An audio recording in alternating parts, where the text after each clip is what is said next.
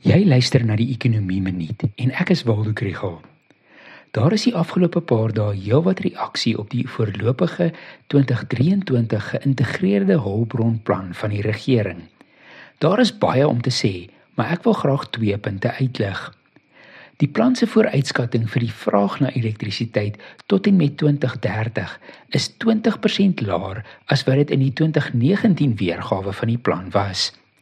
Dit beteken dat die regering voorsien dat die ekonomie nie gaan groei nie en dit terwyl die presidentsie in dieselfde week 'n beroep doen op besighede om nie nog werkers af te lê nie. Die plan se scenario's rondom die aanbod van elektrisiteit gee mens ook nie moed nie. In 3 van die 5 scenario's duur beurtkrag voort. In die twee scenario's waar beurtkrag beëindig word, word dit bereik deur die gebruik van meer gas en die verlenging van die lewe van ou steenkoolkragstasies en verbetering van hulle effektiwiteit. Op die oomblik lyk daardie nie na oplossings nie. Car Power Ship se toegang tot die netwerk het op 31 Desember verval en die steenkoolkragstasie se energiebeskikbaarheidsfaktor bly laag. In vergelyking met die 2019 IRP word daar voorsiening gemaak vir 30% minder nuwe sonkragopwekking en 55% minder nuwe windkragopwekking.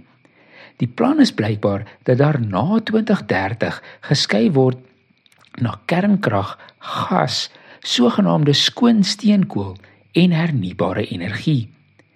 Die 2023 ERP is ook 'n nuwe bron van beleidsonsekerheid omdat dit strydig is met die politieke beloftes wat by COP28 gemaak is, strydig met die planne van die energiekrisiskomitee NECOM en met die hernubare energie meesterplan.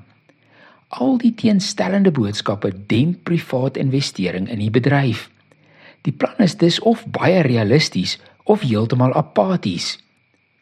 Die NWI Sakeskool is die hoofborg van die ekonomie minuut. Bly ingeskakel.